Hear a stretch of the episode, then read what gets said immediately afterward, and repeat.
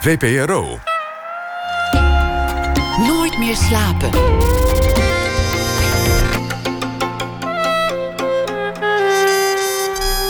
Met Pieter van der Wielen. Goedenacht en welkom bij Nooit meer slapen. City Lust is de naam van een parfum dat Charlie Koolhaas aantrof in een warenhuis in Dubai. En het werd ook de titel van een boek. Een boek met foto's en verhalen over steden. Charlie Koolhaas laat de lezer door haar ogen kijken naar Guangzhou, Lagos, Houston, Dubai en Londen. En dan niet naar de stad zoals je die kent, maar meer de stegen, de portieken en alles wat zich daardoorheen beweegt. Londen, de stad waar ze zelf opgroeide als dochter van een kunstenaar en een sterrenarchitect. Expats, passanten in een stad vol andere passanten. En inmiddels woont ze al bijna een heel decennium in Rotterdam. Ook over Rotterdam heeft ze een boek gemaakt trouwens. What Happened in Rotterdam is daarvan de titel. Wat maakt een stad eigenlijk uniek? Want ook in Houston en in Lagos vind je Guangzhou of Rotterdam. En Rotterdam vind je ook weer terug in Houston. Steden lijken op elkaar en steden zijn verschillend. Een van de terugkerende vragen in dit boek is: wat is eigenlijk integratie? Wanneer mag je je ergens thuis voelen? Charlie Koolhaas werd geboren in 1977. Hartelijk welkom. Leuk dat je bent gekomen. Dankjewel. Het is leuk om hier te zijn. Je bent al je hele leven Nederlands, maar je, je hebt er eigenlijk tot de laatste jaren nooit gewoond. Over de hele wereld uh, gereisd. Jouw, jouw leven is echt op en top geglobaliseerd. En, en bij mij weten is dit jouw eerste interview volledig in het Nederlands. Als, als live interview. Ja, precies. En, en het, is, het is moeilijk in, in Nederland om Nederlands te leren omdat iedereen altijd meer dan bereid is om, om Engels te spreken. Precies, dat is uh, zeker het probleem. Maar je hebt genoeg interessants te, te vertellen. En, en je hebt ook een fantastisch boek gemaakt met werkelijk prachtige foto's.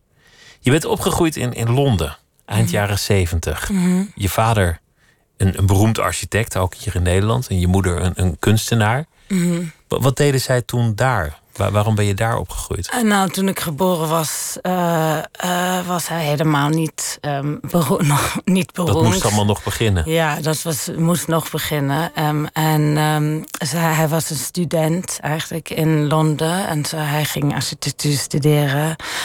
En ze vonden het gewoon een heel interessant en spannend stad. En ze zijn daar gebleven.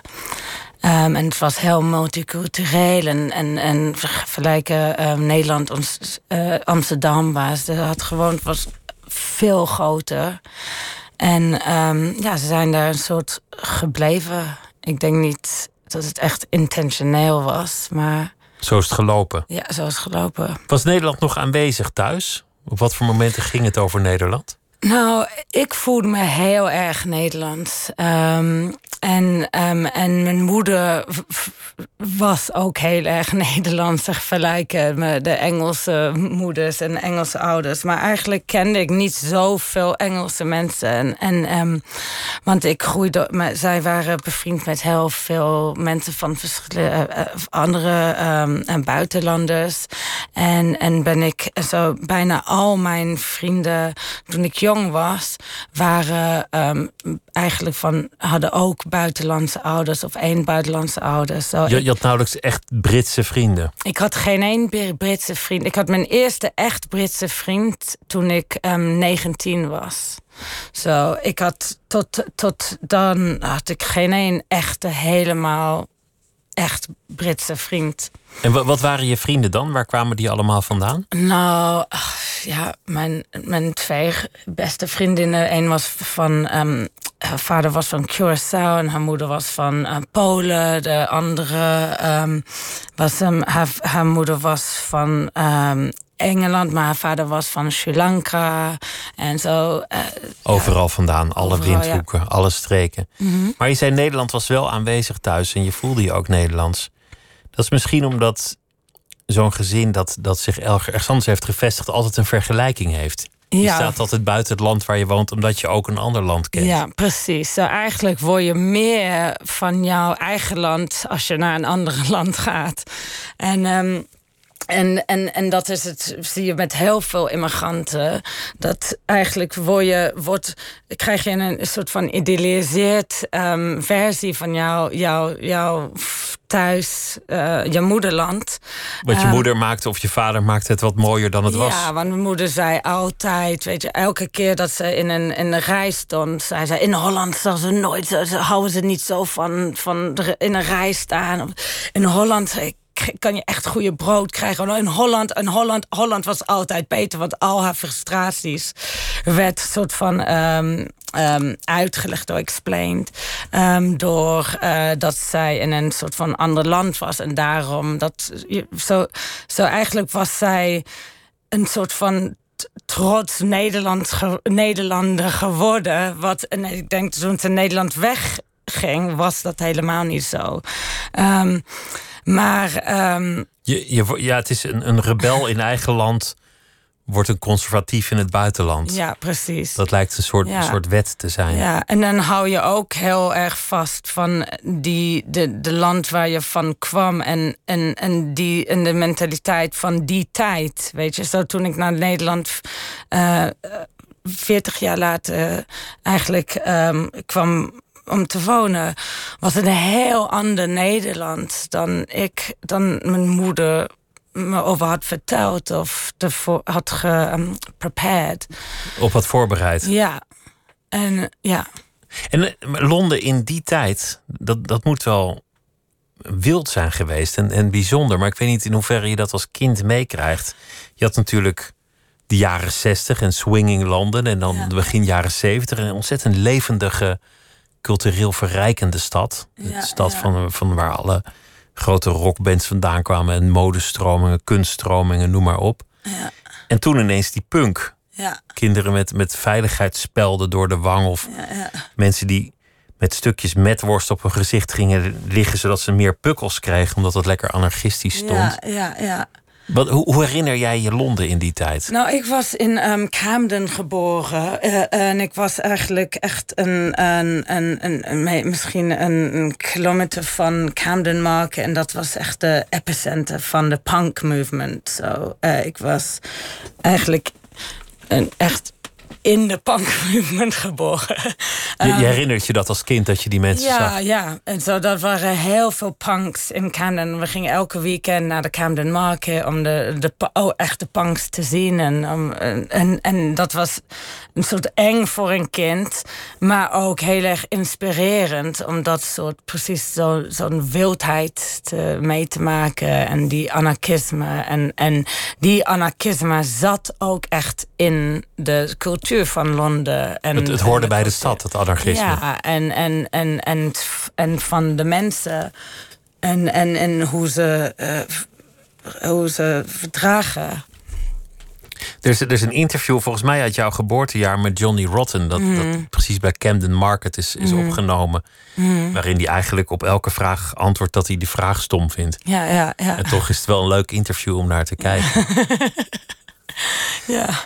Dit, dit, dit zegt al iets over, over hoe jij naar steden kijkt. Je zegt het anarchisme hoorde bij Londen. Mm.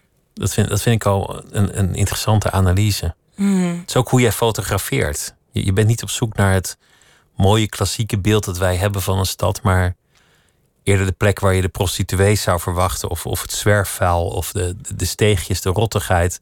Niet om alles lelijk te maken, maar, maar om een soort ziel van een stad te vatten. Ja, ja, precies. En ik denk misschien is een soort van um, de, de, de, de, mijn uh, uh, childhood. Um, jeugd? Mijn jeugd met, met zoveel punks omheen. Um, is dat een soort van. Was ik niet. Ben ik niet bang voor de donkere kant van de stad of van het leven of van het mensen en, en, en zelfs de violence, hoe zeg je dat? Geweld. De geweld van Londen vind ik ook in een soort stimulerend. En het is een soort stimulerend. En het geeft een soort van tensie tussen de mensen.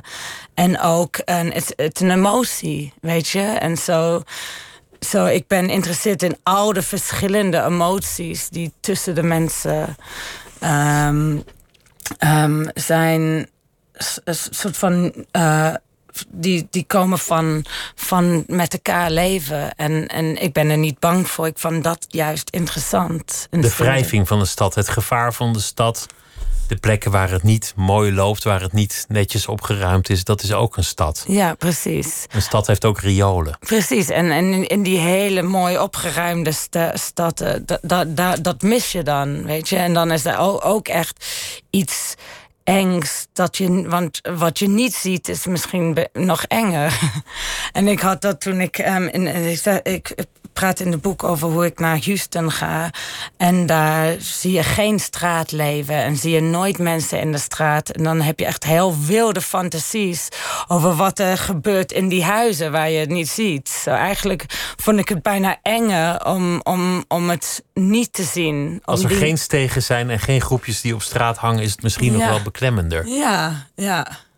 Maar Londen, nu, als, als ik er nu kom, en ik hoor het ook van mensen die de stad veel beter kennen, heb, heb ik de indruk dat het geld het echt helemaal heeft overgenomen. Dat het karakter van Londen wel een beetje is verjaagd door, nou ja, door de hele rijken die, die in ieder geval het centrum van de stad beheersen. Ja, zeker. I mean, er is niet veel om te. Je moet altijd. Uh, toen ik jong was, was er heel veel om te doen in de stad dat geen geld kost. En dat heb je niet meer. Weet je, bijna alles. Is alles ja, alles is, gaat om iets. Uh, om, je moet ervoor betalen. Weet je. En, en Camden Market was een van die um, um, examples. Um, van um, een plek waar je kon gaan en een soort van echt in een cultuur kon zijn. En, en het was helemaal niet over iets te kopen of uh, iets te eten. Of het was niet, er was geen consumerism. Um, het was echt een soort over de muziek en over niks te doen en echt niks te willen en, en, en geen um, desires te hebben. Um, gewoon zijn, gewoon hangen met elkaar. Ja, te zijn. En, en, ik, en ik was in um, tussen Camden geboren, maar ook op de um, North. Ik, woonde in Northwest London en, en zo North London was Camden en, en West London was um, um, heel veel immigranten van de Caribbean. Ze zijn daar komen wonen en daar in, en, en ik, ik woonde echt precies tussen die, die twee gebieden van de stad. En en daar, en, de, en, en daar was er heel veel invloed van reggae music. En dat was helemaal anders van de anarchy van punk. Maar het is, het is wel uh, de, de punk zijn wel door de reggae en door de soort van Caribbean cultuur geïnfluenced. Maar het, dat was een hele soort van hele on-anarchistic. Heel veel allemaal ging over de, de unity en de love en de harmony. So, het was niet dat Londen alleen anarchistisch was. Het was echt in, in, een, in, in één stad heel verschillende soort ideeën en meningen die wel met elkaar samen kon leven. En, en daar was wel ja, tension natuurlijk. Het is niet dat Londen ooit echt een idealisch uh, stad was. Um, er zijn altijd heel veel um, tension, to class tension, racial tension. Um, maar er was heel veel possibiliteiten. Heel veel, heel veel was mogelijk in die stad. Het gevoel mm -hmm. dat alles, alles kon daar. Je, je, je kwam zelf in de, de dansscene, de, de house scene in, in de jaren negentig. Mm -hmm. de, de, tijd dat hier in Nederland het ook opkwam van de, van de raves. Mm -hmm. in, in Londen was dat, was dat, heb ik de indruk, anders dan hier. Het was misschien iets meer ook een artistieke beweging. Mm Maar wat, wat zijn jouw herinneringen? Wat voor beelden roept het op? wat waren de plekken waar je toen kwam? Nou, voor mij was Londen. Weet je, er was een heel veel. En er was altijd echt um, mensen die. Heel veel mensen die echt heel erg arm zijn. En dat heb je nog steeds. Ik denk, ik, ik lees, las ergens de soort van child poverty rate is zo groot in Londen. En, en al die um, problemen en de tensions. In, in, in, in, ik heb altijd gevonden die in de plekken en de culturen waar de meest um, divisions zijn en de meest um, hardship, hoe zeg je het? Hoe de moeilijker het is. Tegenslag en, en ja, Hoe moeilijk het is, de meer belangrijk muziek is als een soort van um, uh, escape. Waar het, waar het slecht gaat, waar het moeilijk is, er zal mooiere muziek vandaan komen. Ja, ja want het, ja, dat heb je nodig, weet je. Je hebt nodig om te, vanuit de, de, de, de elke dag te, le de dag te leven... heb je een escape nodig. En, en voor mij en voor... Um, rave was echt een hele andere soort van. Een rave was een hele andere wereld waar je gewoon helemaal van je eigen leven gewoon uh, je kan disconnect. Totaal losmaken, gewoon ja, losmaken, precies. een pil in de muziek opgaan en, en gewoon de hele dag dansen en vergeten. Ja, om te vergeten. Waar je woont, dat je, dat je een huis hebt, dat, dat je ouders op je wachten, dat je schulden hebt, alles. Voor dagen lang te doen. je, hebt, je hebt gestudeerd in, in New York. En jouw, jouw vak of, of jouw kunst is eigenlijk heel specifiek. Want je, want je bent fotograaf, maar je bent ook een, een beschouwer, een denker over steden, ruimtelijke inrichting, sociologie. Dat, dat is je eigenlijke vak. Mm Het zit, zit ergens op dat raakvlak daartussen. En in, in dit boek beschrijf je steden die jij goed kent, plekken waar je gewoond hebt of op een andere manier heel vaak bent geweest. En je probeert door jouw ogen die stad anders te laten zien. Je probeert onze blik te kantelen. Mhm. En wat je, wat je onder meer laat zien is dat al die steden ook hetzelfde zijn. Mhm. En, en één stad waar je, dat, waar je dat heel interessant doet, dat is uh, Guangzhou in China. Mhm. Dat is bij de, bij de Parelrivier Delta. Hele grote stad. Havenstad ook. Verbonden met Rotterdam traditioneel. Hoe, hoe zou je die stad omschrijven? Wat, wat is dat voor stad voor jou? Wat definieert die stad? Nou, um, het is moeilijk te omschrijven, want er zijn twee. Nou, het is een van de oudste sta staden in de wereld. En het, is de, um, het was kanton. En zo is eigenlijk heel belangrijk um, voor de soort van ontwikkeling van de, de, de, de markteconomie. Is het een heel belangrijke stad. En, en, maar het is ook echt um, een heel Chinese stad, weet je. Want het is de soort van birthplace en, en, en, home van Cantonese culture. De Cantonese cultuur is daar begonnen. Ja.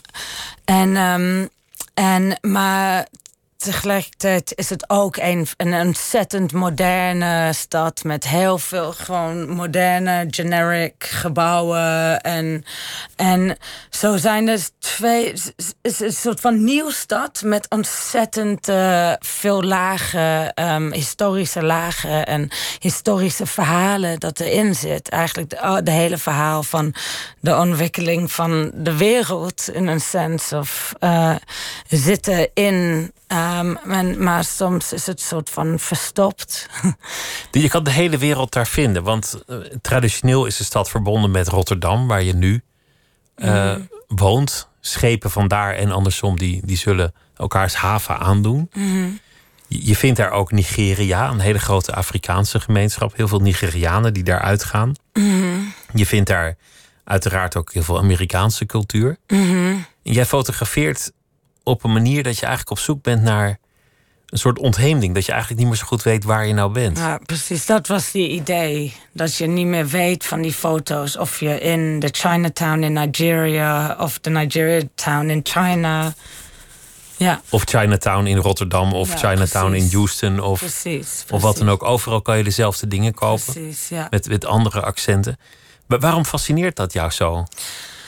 Um, nou, ik vind het heel interessant, die, die, die hybride, die, de, de, dat het de hele tijd um, gener, genereren. Is het generate? Is dat een woord?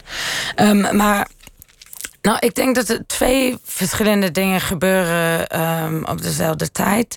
In één kant worden we zien, kan je zien door een soort van globalisering, dat precies dat, dat, dat komt nu een Chinatown in bijna elke stad en een, een Niger, Nigerische restaurant in elke stad. En, en, je kan dat zien dat het een soort van um, homogeneity is. Um, Een homogeen iets wordt dat. Homogeen iets, ja. En maar tegelijkertijd... Um, zo, je kan zien dat het, dat het betekent dat het, we staat het niet meer een, individuele karakter hebben. Maar dezelfde tijd in die stad zijn er die soort van heel specifiek um, hybride die alleen daar zijn. Weet je, zo so, het is juist een soort van um, dat alles een beetje dezelfde gaat lijken. Want, want we krijgen al die verschillende, dezelfde verschillende culturen, weet je. Zo, het is niet dat het een soort alleen een homogeneous Amerikaanse cultuur wordt. Dat wordt het zeker niet, eigenlijk. Um, maar uh, het is meer dat, of een Westische western cultuur. Zeker komen al de western, uh, westerse um, um, brands en fashions. Maar dat betekent niet dat het westers cultuur echt. Er ontstaat iets nieuws. Want, want, want zo'n beetje waar ook ter wereld je gaat, je zult daar een yoga-studio vinden. Ja. En al die yoga-studio's hebben bepaalde gemeenschappelijke elementen, proberen een beetje hetzelfde. Ja, ja. In, in grote delen van de wereld zul je inmiddels een, een barista en een espresso bar vinden met een racefiets aan de muur. Ja, ja, ja. Dat is ook een soort globale cultuur die je overal vindt. En zo kan je nog honderden, misschien wel duizenden voorbeelden noemen van Afrikaanse kappers of, of Chinese supermarkten die je overal ter wereld vindt. Ja, precies. Als je die fotografeert, weet je niet, is dit nou Amsterdam of is dit nou Shanghai? Ja. Tegelijk is het een, een eigen vorm in iedere stad. Het is precies, ja. een nieuwe cultuur die daar ontstaat. Precies, precies. En dan is het een, een soort van re, um, recreatie van ergens anders, maar wordt het een soort van uniek en, en um, zo je kan een soort, ja, je krijgt een. een ze zei een Afrikaanse kapper in China, maar dan is het echt een Chinees-Afrika versie van een Afrikaans kapper. Weet je, het, is, dan... het is een hybride vorm, zoals Ja. een, een Chinees waarschijnlijk ook onze babi pangang niet als voedsel zou herkennen. Ja, ja. Om, omdat dat weer een, een Nederlandse variant ja, is precies. geworden. Zo, dan wordt het niet meer, is het niet, helemaal niet Chinees meer. Het is eigenlijk Nederlands. Maar het gaat En- iets verder. Wat- Wat jou fascineert is ook een soort bijna wetteloosheid die jij interessant vindt. En, en er is één anekdote die je in je boek beschrijft. Dat jij het ten onrechte of gewoon op, op bluff uitgeeft voor DJ als je daar in China bent. Mhm. En op een zeker ogenblik gaat iedereen mee in, in de gedachte dat jij, westerse vrouw, wel DJ zult zijn. Ja, En iedereen speelt dat spel mee, ook al weten ze eigenlijk dat het niet zo is of niet zo kan zijn. ja, ja. Ja, nou, ik had een, een, een assistant. Ik was in, ehm, ik ging op eerst, ik ging naar China. ehm, ik, ik was er op eerst om een, ehm, een tentoonstelling daar te maken. Eh, maar ik, ik, bleef daar. eh, en nee, want ik kreeg eh, de hele tijd werk. En uiteindelijk heb ik mijn eigen ehm, krant magazine, hoe zeg je dat? Tijdschrift? Tijdschrift, ja. Heb ik mijn eigen tijdschrift daar opgezet. Want ik vond het zo interessant. En dat tijdschrift ging over... Het was interviews met eh, buitenlanders in China. En ook Chinezen in het buitenland. En het ging over de nieuwe eh, eh, ehm, verbindingen... ehm, Ehm, en met dat China had met de wereld. En, maar het ging in een soort van eh echt de, de woorden van de, de mensen, heel eenvoudige woorden van de mensen die het echt leefden. Ehm, ehm, maar ik had een assistent en het was heel moeilijk om een, een tijdschrift te maken in China. Want het was heel moeilijk om een, een, eh, een code te krijgen en te publishen. Want je moet door, um, helemaal door censorship gaan. Dus het was heel moeilijk om te doen. Ehm, en, en ik had een assis- assistent en ze zei... Kijk, je bent een witte vrouw. Je kan gewoon veel geld maken als je gewoon een DJ wordt. dus zo dan zei ik... Oké, nou dat kan ik doen. Want ik hou van muziek en, eh, en ik heb dus experience raving. En ehm, zo toen heb ik dat eh, gedaan. En, ehm, en heb ik. En zij werkte ook voor Heineken. En, ze, en zo zij gaf mij mijn. En ze zei: Oké, je kan volgende week ehm, in een club ehm, DJ en dan probeer het wel. Eh, maar het was eigenlijk toen ik daar aankwam. ehm, eh, was het, um, it turned out to be de grootste club eh, in de Dongguan province ooit. Zo Hoe- was het. hoeveel mensen heb je het dan over? like echt duizenden, duizenden. Dus, dus je hebt je een beetje ingebluft dat je DJ bent en je komt eraan en je moet voor duizenden mensen muziek gaan draaien. Ja, precies. Maar het was echt een soort van. Alleen in China kan dat gebeuren. Dat van één. Dat het een soort van instant. Weet je, dat het zo instant. Dat je zo. Je kan gewoon zo groot dromen of een, het was toen China, dit was in 2005, zo China was net heel open geworden en er waren net heel veel buitenlanders in, in, de, in de land gekomen. Ehm, en zo, het was een soort van een moment van ontzettend openheid, waar het echt voelde dat een soort je daar kan komen en, en alles kan. Het was een echt alles kan soort um, cultuur. En, en, en er waren posters everywhere. De, um, die zei. Impossible is nothing. Dat was van een um, um, Chinese sportsbrand. Maar dat was een slogan die overal stond. En, en zo voelde het echt alsof alles, mogelijk. De sky was... Alles was mogelijk. En je voelde dat... En dat was... En, en in China hadden zij zelf in, in 10, 20 jaar... gewoon iets onmogelijks ge... ge, ge... Verwezenlijkt. Maar, maar, maar hoe heb je dat dan opgelost? Want dan sta je daar ineens voor... voor zo'n enorme club en iedereen denkt dat je een beroemde westerse DJ bent. En, en dan begint het. Hoe, hoe heb je daar uitgered? Ja, nou niet echt heel goed. Maar gelukkig drinken ze heel veel whisky in de clubs. En, dus ehm, niemand hoorde eigenlijk nog wat je deed? nee, nee, niet. En, en duidelijk, het was gewoon belangrijk dat daar een soort van Europese DJ was. Want dan voelde ze alsof een soort van... dat zij waren gereikt, uh, getouched, aangereikt Aangeraakt. Aangeraakt door global cultuur. Weet je, zo, dat, dat was de intentie. Dat ik was symbolisch van iets anders. Dat, dat zelfs in de, de, de factory districts van Dongguan province komt de wereld. Je had een streepje voor als Europeaan, want het was geloofwaardig dat je, dat je iemand zou zijn zoals ik me ook kan voorstellen dat het, dat het op veel plekken in de wereld gebeurt. Dat als je een beetje een Indiaanse uiterlijk hebt, dat je je heel makkelijk voor guru of coach kunt uitgeven inmiddels. Dat mensen dan toch denken van, oh, die komt er echt vandaan, die zal het allemaal wel weten. Ja, nou natuurlijk, precies. Dat is de soort van. Um, de, uiteindelijk komt het van een soort van. Uh, de, de, um, de sense. Dat, dat soort van dat muziekcultuur en um, particularly ravecultuur en al die soort dingen en straatcultuur, dat dat echt een soort van western inventie is. Een westerse uitvinding. Je, je hebt um, muziek meegenomen die vaak werd gespeeld in een van die Nigeriaanse clubs daar in China. En dan uh, gingen alle Nigeriaanse mannen daar helemaal uit hun dak. Mhm. Want er zitten heel veel Nigerianen, dat heeft historische redenen, maar het is ook de plek waar mensen naartoe komen om geld te verdienen, om, mhm. om werk te zoeken. En dit is uh, Akon en het, het nummer heet Lonely. Lonely, I'm Mr. Lonely.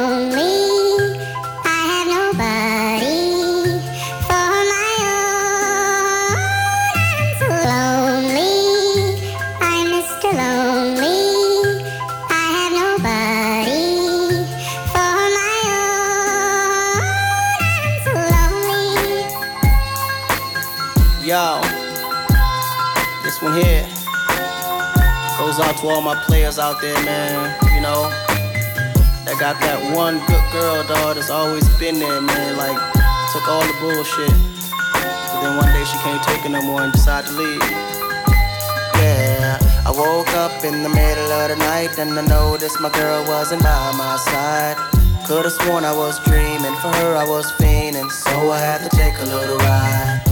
Backtracking on these few years, trying to figure out what I do to make it go bad. Cause ever since my girl left me, my whole life came crashing, and I'm so, so lonely. Mr. Lonely. I have nobody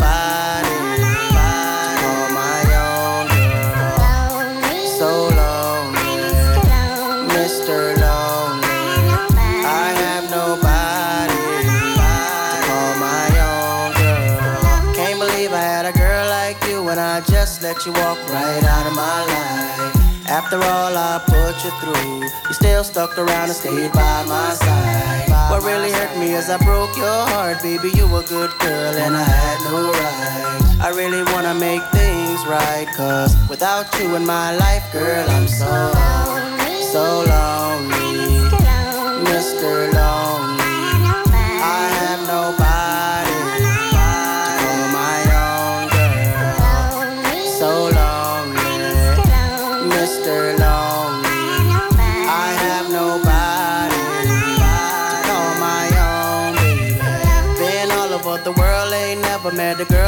Take the things that you've been through. Never thought the day would come where you would get up and run and I would be out chasing you. Cause ain't nowhere in the globe I'd rather be. Ain't no one in the globe I'd rather see than the girl of my dreams that made me be so happy, but now so lonely.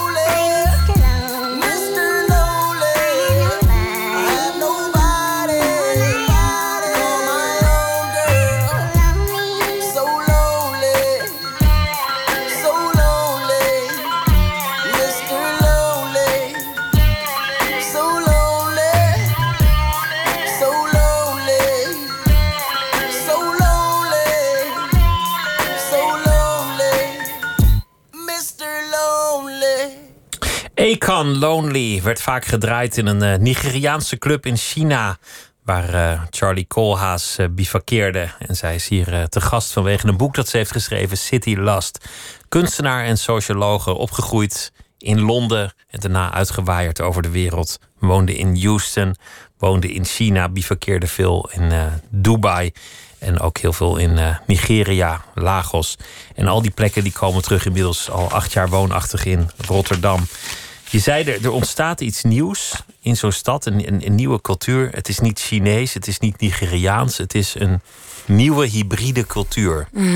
I- Iets dat alleen maar daar kan bestaan, maar wat, wat geen kenmerken meer heeft van een van de landen of, of een van de steden.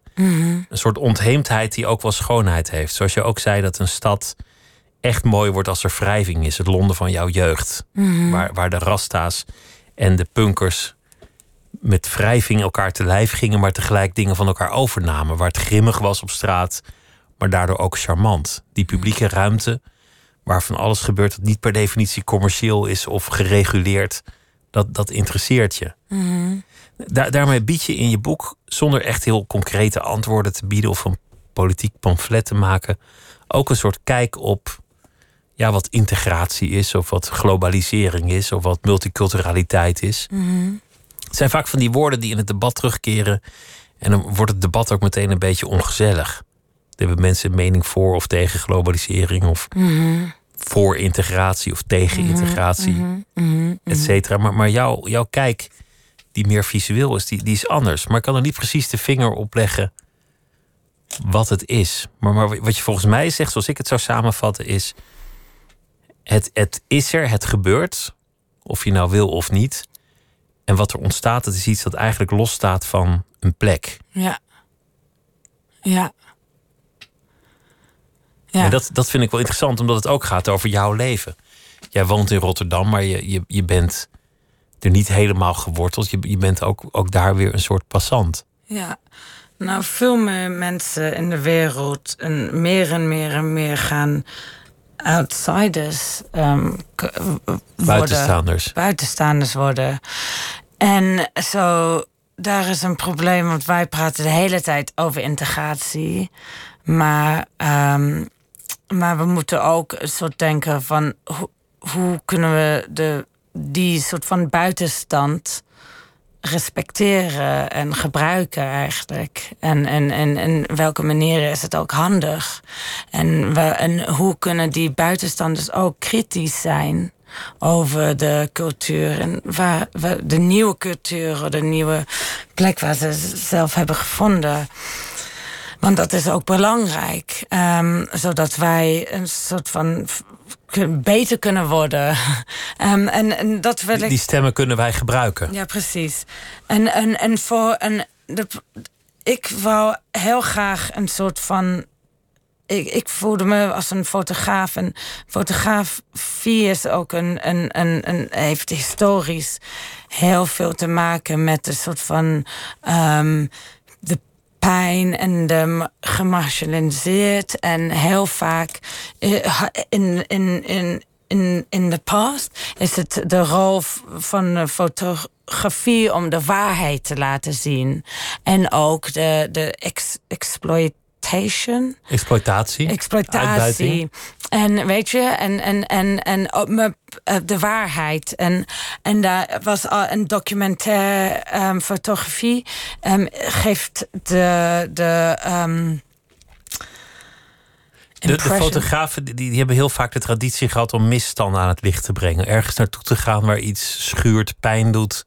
En ja. dat aan de wereld te laten zien. Ja, precies. En dan is het het idee dat zij neutraal een soort van kijken en, en, maar, en de pijn zien. Weet je, en, en ik wou eigenlijk. Um, um, ik vind zoveel van hoe, als ik kijk naar de nieuws of, of als ik over. Um, van, van in de West over de nieuws over China is altijd zo kritisch. En het gaat altijd over um, de soort van. Um, de misstanden, de dictatuur, de, de misstanden, al, ja, en al, al, wat, er, wat er mis is. En het is altijd heel erg kritisch. En het is altijd heel erg... Um, het gaat over de...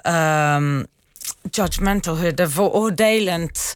Het is heel veroordelend. Zoals we moeten altijd zeggen, als we over China praten, is het bijna als, als je niet zegt dat het daar um, dat de, de, de regering.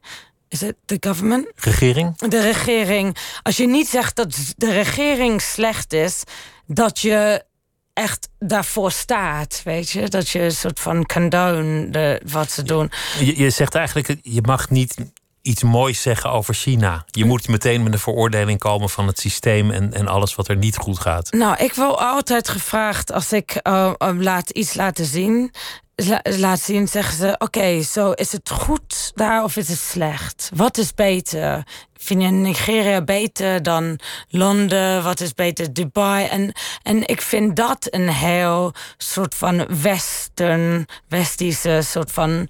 Um, een westerse kijk is dat. Ja, manier om, te, om, om alles te, te, te denken dat wij moeten beslissen of iets goed is, gaat, of iets goed gaat, of iets slecht gaat. En wat er daarover moet gedaan worden. En, en, en ik wou even een soort van kijken en zeggen: oké, er zijn sommige dingen die, die weet je, dat, dat bepaalde dingen waar um, iemand onvrij is. En dan, maar dezelfde tijd zijn er nu nieuwe vormen van vrijheid. Ook in dat onvrijheid. Is onvrijheid een woord? Zeker. Oké, ja. Maar het is, het is, dat is natuurlijk het probleem met, met dat soort discussies. De werkelijkheid is gelaagd. In, in een onvrij land kun je nieuwe vormen van vrijheid ontdekken. Ja. In een, in een stad, in een autoritair land, zul je plekken vinden waar het gevoel is dat alles mogelijk is. zoals jij die disco precies. beschreef. Of ook, de, of ook dat zijn, als je het in, in, een, dictator, in een autoritaire um, um, um, regering moet er veel meer gedaan die illegaal is. So, eigenlijk is het meer illegaal en is er vaak, en ik vond dat in China, dat er was, voor instance, je zou nooit denken dat ik kon voor zes jaar binnen in en uit de hele tijd op, op toeristvisa's komen. Zo, ik woonde daar voor zes jaar, maar illegaal. Maar ik mocht elke tijd, elke keer weer naar binnen. Er krijgt geen haan naar als je daar eigenlijk illegaal bent, omdat er zoveel regels zijn ja, dat ze toch niet meer na te leven zijn. Precies. Zo dan, als er heel veel regels zijn, dan worden die regels, zijn ze, weet je, worden ze, worden ze flexibeler. Een soort. Maar het is misschien interessant om er naar te kijken zonder meteen een, een oordeel te hebben. Van dit Ja, is goed, precies. dit is slecht, dit mag niet, dit moet. En, en het boek dat je hebt gemaakt over Rotterdam is een, is een aanzienlijk kleiner boek. Daar neem je ons mee door Rotterdam en dan laat je allerlei dingen zien die naast elkaar gebeuren. Een etalage helemaal vol met zwarte pieten van iemand die kennelijk iets te bewijzen heeft. Even later allerlei voorbeelden van hybride culturen, zoals je dat net beschreef. Van het, is, het is niet meer Afrikaans, het is niet meer Nederlands, maar wat, wat is het eigenlijk? Lelijkheid, schoonheid, een oude stad, een nieuwe stad. Een stad in verval, een stad in opbouw. Je laat, je laat op die manier al die dingen zien die naast elkaar bestaan. Maar ergens voel ik ook dat je een, een betoog hebt voor een nieuwe manier van samenleven. Een nieuwe manier van definiëren wie er bij de stad hoort. En een nieuwe manier van definiëren wat integreren eigenlijk Ja, is. precies. Ja, en het is precies dat, zo zonder, zonder ehm, oordelen, weet je. En zonder een soort van bemoeien en te beslissen wat mag en wat niet mag. Cultuurlijk. We hebben regels, maar cultuurlijk vind ik dat we gewoon mensen moeten laten zelf beslissen. Het gebeurt toch wel. Ik bedoel, je kan niet alles aan regels binden. Wat voor muziek je luistert, of wat voor kleren je draagt en wat daarvoor straatculturen ontstaan. Ja, en ook, weet je, in mijn, in mijn ervaring, als je ergens gaat, word je meteen geconfronteerd van, met wat je niet leuk vindt. En wat je niet begrijpt. En, en, en, en, en, en zo is het. Weet je, voor iedereen. Dat, dat is dus gewoon hoe het gaat, hoe het loopt. En zo om te zeggen, oké, mensen moeten hier komen. En of mensen moeten, als ze ergens nieuws gaan wonen, dan moeten ze daarvan houden. En moeten dat begrijpen. En dat is on- een onmogelijke eh, demand. Ehm, Je hoeft niet van je stad te houden. Nou, het kan niet. Dat, dat, zo gaat het niet. Op eerst ben je alleen geconfronteerd met wat je niet begrijpt. En wat je niet hebt en wat je mist. Weet je, zo, zo het is al. En, en wij zeggen. Zoals, zoals jouw moeder in Londen aankwam en ineens heel Precies. Nederlands chauvinistisch werd. Precies, precies. En, ehm, maar dat was haar manier om het te, te, weet je, om het te, te begrijpen en te, te deal with it. En so that was her therapy, die, die anger. En, en dat moet je gewoon mensen gunnen, laten denken wat ze wil. Wat was, wat was in, in jouw leven de grootste overgang? Toen je naar Nigeria kwam, naar China kwam, naar Houston, New York. Wa- Wat, wat was eigenlijk de plek waar je, waar je het meest moest aanpassen? Ik moet e- eerlijk zeggen dat het voor mij de meeste cultuurschok eh, kwam toen ik naar Nederland kwam. Eh, ook, eh, Het land waar je eigenlijk altijd vandaan kwam. ja, want dat was de eerste keer. Want ik dacht, eh, mijn hele leven had ik gedacht, ja, ik ben heel Nederlands en ik ben Nederlands. En uiteindelijk, ik voel me niet van hier, want ik ben van Nederland. En toen kwam ik naar Nederland en voelde ik helemaal niet Nederlands. En was ik geconfronteerd met hoe Engels ik was. En hoe misschien op die punt als Chinees ik was. Eh, en mijn manieren van communiceren en hoe ik voelde, business, doing business. En, en ehm, zo dat was confronterend, ja. Het is, het is een soort van op een... Toen realiseerde je eigenlijk dat je nergens meer bij hoorde. Ja. Waar, je, waar je in Engeland altijd dacht, maar ik ben eigenlijk Precies. Nederlands. En daar is nowhere to run. En nu, nu heb je eigenlijk helemaal geen, geen nazistaat meer om, om je aan vast te klampen. Ja, precies. En, ehm, maar ook, want het was een heel ander Nederland. Het was niet de Nederland dat ik, dat ik, ik dacht. Dat ik, het was niet wat Nederland was, wat, hoe ik het begreep. Wat, wat verbaasde je? Wat, wat heeft je verrast toen je in Rotterdam aankwam? Nou, ehm eerst af, ik denk, het is veel meer conservatief. Conservatief Jij, dacht dat het het vrijdenkende land was. Ja, en dat ze heel tolerant was. En dat ik uiteindelijk ergens zal zijn waar mensen echt open zijn. En dat is veel minder racisme. En, ehm, en op een bepaalde respect is er een soort ehm, gelijkheid een economisch gelijkheid. Meer, zie je meer, weet je. Want ik zie niet die de soort van homelessness dat ik in Texas heb gezien of in, in Londen heb gezien. En er zeker niet zoveel kinderen die in, in Rotterdam die naar school gaan, met de hongerig naar school gaan als in Londen. Er zijn zeker wel kinderen hier die in hongerig naar school gaan, maar niet met dezelfde hoeveelheid.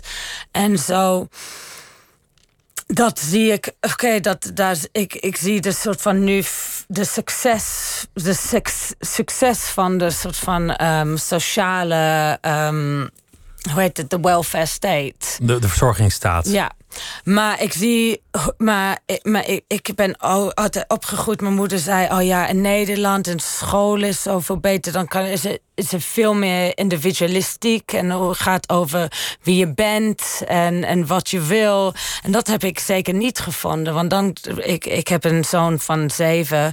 En die in de school in Rotterdam zit. En vanaf de jaar vier is hij gewoon een één stuk door. Krijgt hij toetsen. Weet je, en dat zou ik nooit had gedenken gedenkt. Gedacht. Gedacht, dat is. Dat hij zoveel toetsen en, ja, en dat dingen is zo een soort standardized en dat er echt is, is helemaal over de norms gaat. Weet je, en ik dacht dat het was dat Nederland ergens was uh, waar het ging over vrij denken. Maar het is een land van regeltjes en normen geworden. Vrij meer dan ik dacht. Meer dan ik dacht. Je, je, je was getraumatiseerd toen je, toen je naar Nederland kwam. Want, want in Houston, daar was een incident met de politie.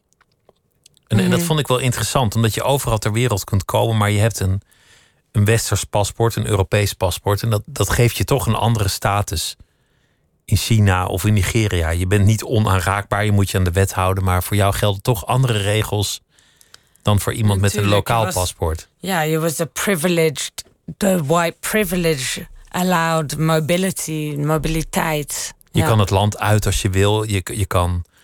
Nou, je hebt een eigen diplomatieke dienst die misschien iets voor je doet. Valt in praktijk tegen, maar, maar vooruit.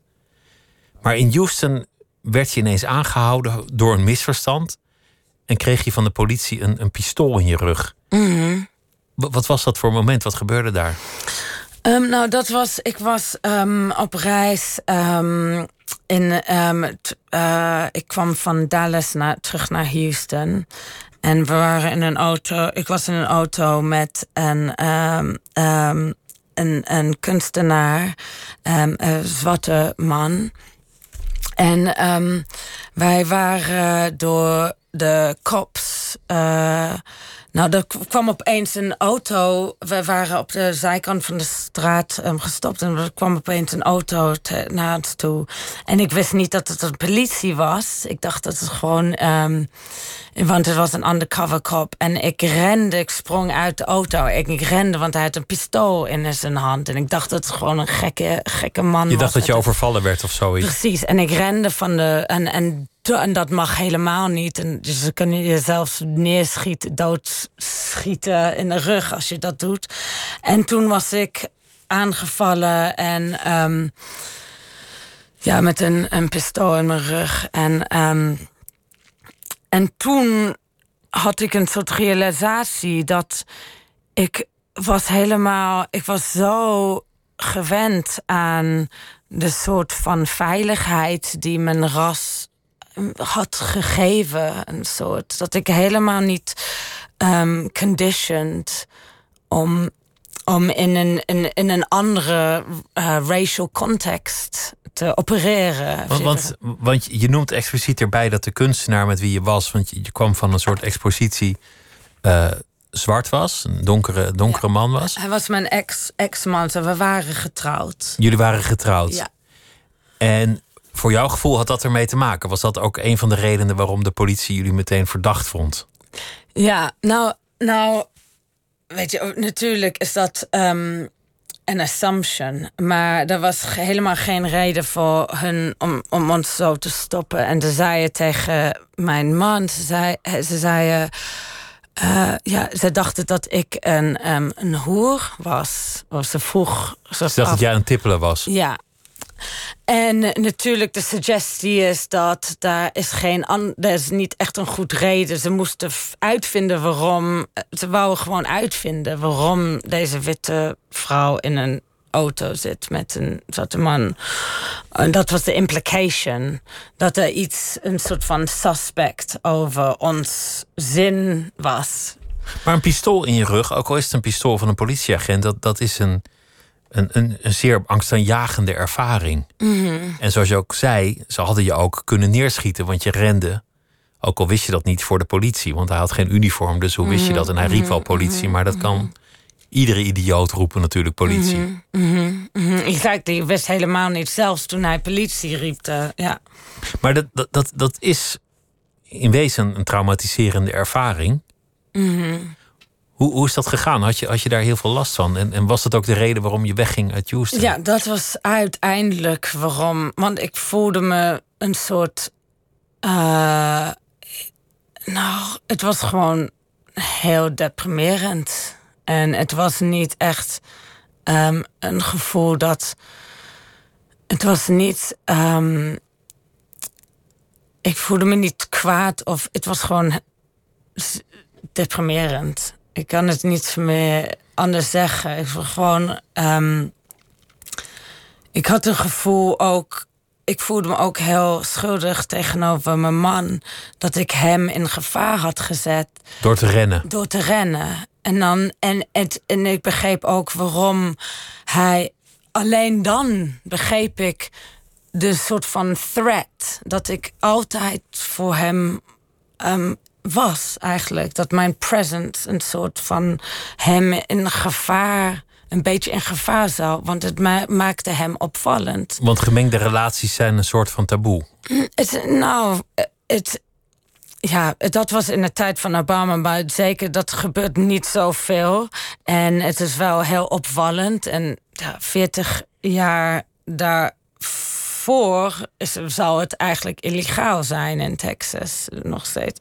Zo, ehm, maar ik had het gevoel dat ik eh, dat liet me weten dat ik dat was een situation dat ik eigenlijk niet begreep en dat het eigenlijk een soort van gevaarlijk situatie echt gevaarlijk want we hebben zoveel eh, wapens en zodat al de racial tension wordt gewoon veel meer gevaarlijk en eh, Maar dat is, dat is iets dat, dat uiteindelijk, als je het hebt over globalisering, natuurlijk ook speelt. Dat sommige mensen die profiteren ervan. Je hebt de expats die, die met groot gemak landen in en uitreizen, zich hier vestigen, daar geld verdienen. En die, die van alle culturen wat meepikken. Maar het is niet een gelijke wedstrijd.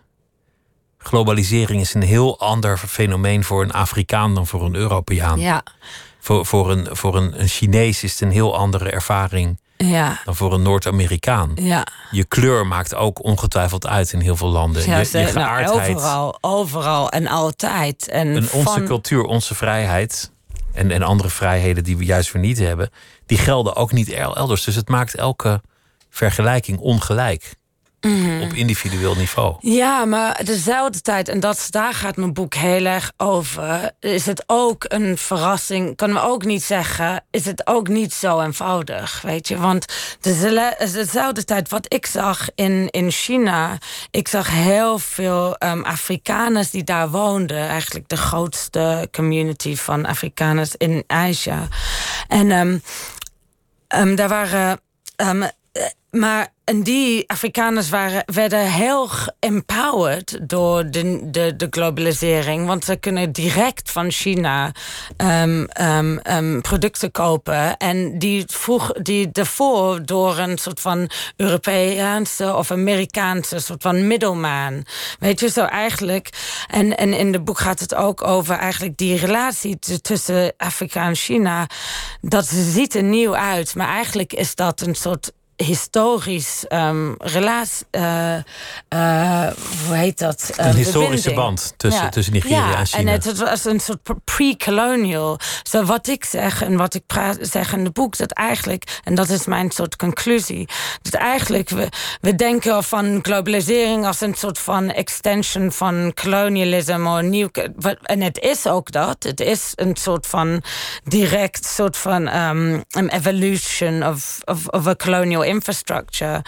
Maar um, eigenlijk is het een, is ook um, restoring, uh, hoe heet dat? Het brengt herstellen terug, van, herstellen van, oude banden. van de oude banden. En een soort dat, dat voor kolonialisme is, is gebeurd. En eigenlijk als we Europese kolonialisme niet zouden gehad hadden, zou de, de, de, de verbinding tussen China en Afrika eigenlijk een soort van de, de wereldeconomie uh, um, dictated. Dat, dat, dat, zou de centrale as zijn ja, van de wereldeconomie. Precies. En dat gebeurt nu weer. Dat, dit, dat, dat, is aan het gebeuren. En eigenlijk is een soort van Europeaanse uh, middelmen. Ze gaan, ze gaan een soort uit. Europa verliest een centrale rol en, de VS misschien ook wel. En misschien wordt dat wel de grote economische as. Dat is één van de verhalen van globalisering. I mean, als je naar de Forbes rijkste tien mensen kijkt, dan is het nog steeds meestal witte mannen, weet je. Zo. Er zijn twee verhalen. In, in, in één kant verandert het. En zijn de hele soort van um, power structure zijn ze veranderen. En at dezelfde tijd hebben we zo'n ontzettend embedded power structure. En dat zie je, dat is wat die, mijn, uh, mijn ervaring met de politie in Amerika had geleerd. We kunnen zeggen, oké, nu maakt iedereen hip-hop en iedereen African American culture is een van de sterkste influences op wereldcultuur eigenlijk. En, um, maar dezelfde tijd als een zwarte man in Amerika een witte vrouw heeft, dan, dan is hij is, die power wat ik, dan is het toch gewoon een zwarte man. En dan is Precies, dat toch gewoon een risico. de power structure is niet, hasn't changed. Weet je, dat is nog dus om, underlying, onderliggend. De machtsstructuur. Het is een, een, een, boek met, met, met een heel gelaagd betoog en, en een analyse, een verkenning. Maar ook vooral met fantastische foto's. Prachtige beelden van, van stadsleven in alle hoeken van, van de wereld. En het boek heet uh, City Lust. Charlie Koolhaas, dank je wel dat je, dat je langs wilde komen en dat je met mij wilde praten. Oké, okay, dank je wel. En zometeen Miss Podcast.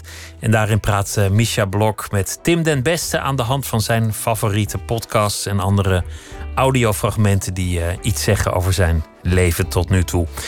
En morgen is Nooit meer slapen er weer uh, op deze zender. Ik wens u een hele goede nacht.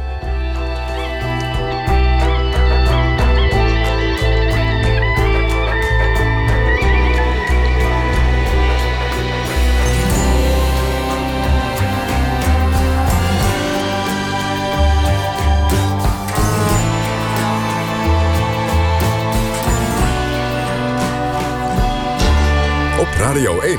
Het nieuws van alle kanten.